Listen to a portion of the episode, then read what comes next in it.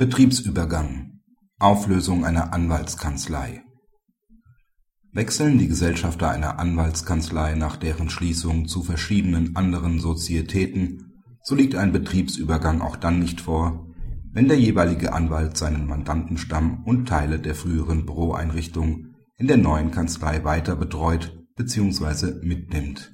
Die Arbeitnehmerin ist als Rechtsanwaltsgehilfin in einer Anwaltskanzlei beschäftigt die als Gesellschaft bürgerlichen Rechts von sechs Rechtsanwälten betrieben wird.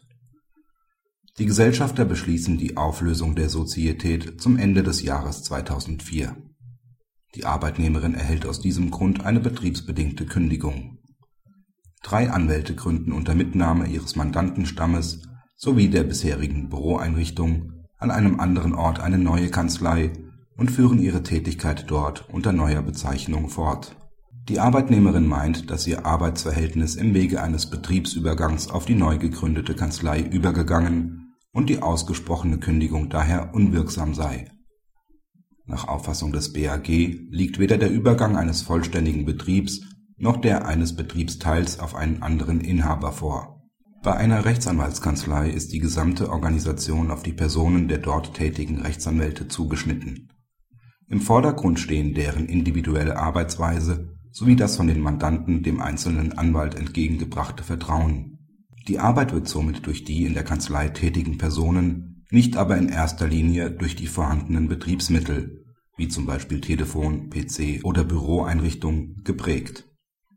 Das gilt auch für die nichtjuristischen Mitarbeiter, deren Zuarbeit für das ordnungsgemäße Funktionieren der Kanzlei ein unabdingbares Erfordernis ist.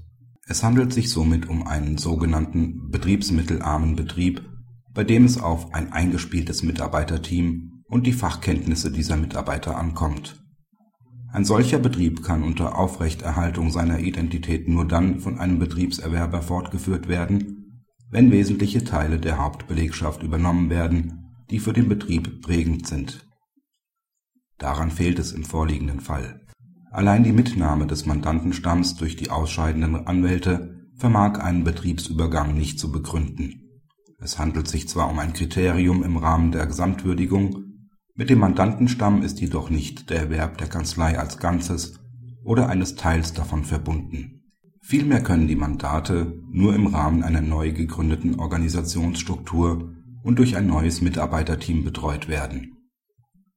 Auch die Mitnahme der ehemaligen Büroeinrichtung führt nicht zu einem Betriebsübergang da diese Betriebsmittel die Organisation der Kanzlei nicht entscheidend geprägt haben. Es liegt auch kein Übergang eines Betriebsteils vor, da eine Anwaltskanzlei grundsätzlich eine einheitliche Organisation darstellt. Es ist somit nicht möglich, jedem einzelnen Anwalt einen Teil des Kanzleipersonals und der eingesetzten Betriebsmittel als eigenen, das heißt organisatorisch abtrennbaren Betriebsteil der Kanzlei zuzuordnen Kritik Die Entscheidung macht deutlich, dass die Ergebnisse der Rechtsprechung im Hinblick auf das Vorliegen oder Nichtvorliegen eines Betriebsübergangs kaum kalkulierbar sind. Zweifelhaft ist bereits die Annahme, bei einer Anwaltskanzlei handele es sich um einen betriebsmittelarmen Betrieb. Ebenso erstaunlich ist die daraus abgeleitete Schlussfolgerung, ein Betriebsübergang könne nur dann vorliegen, wenn die Hauptbelegschaft in einer anderen Sozietät weiter beschäftigt werde die Regelung des § 613a BGB wird nahezu ad absurdum geführt, indem die Rechtsfolge, also der Übergang von Arbeitsverhältnissen, zur alleinigen Voraussetzung der Norm gemacht wird. Dieser Befund verstärkt sich dadurch, dass das BAG anderen, nicht unwesentlichen Umständen wie der Übernahme des Mandantenstamms und der gesamten Büroeinrichtung daneben keinerlei Bedeutung beimessen will stellt man auf die vom EuGH neuerdings wieder in den Vordergrund gerückte Weiterverfolgung einer wirtschaftlichen Tätigkeit durch den neuen Inhaber ab, hätte man wohl auch im vorliegenden Fall einen Betriebsübergang annehmen müssen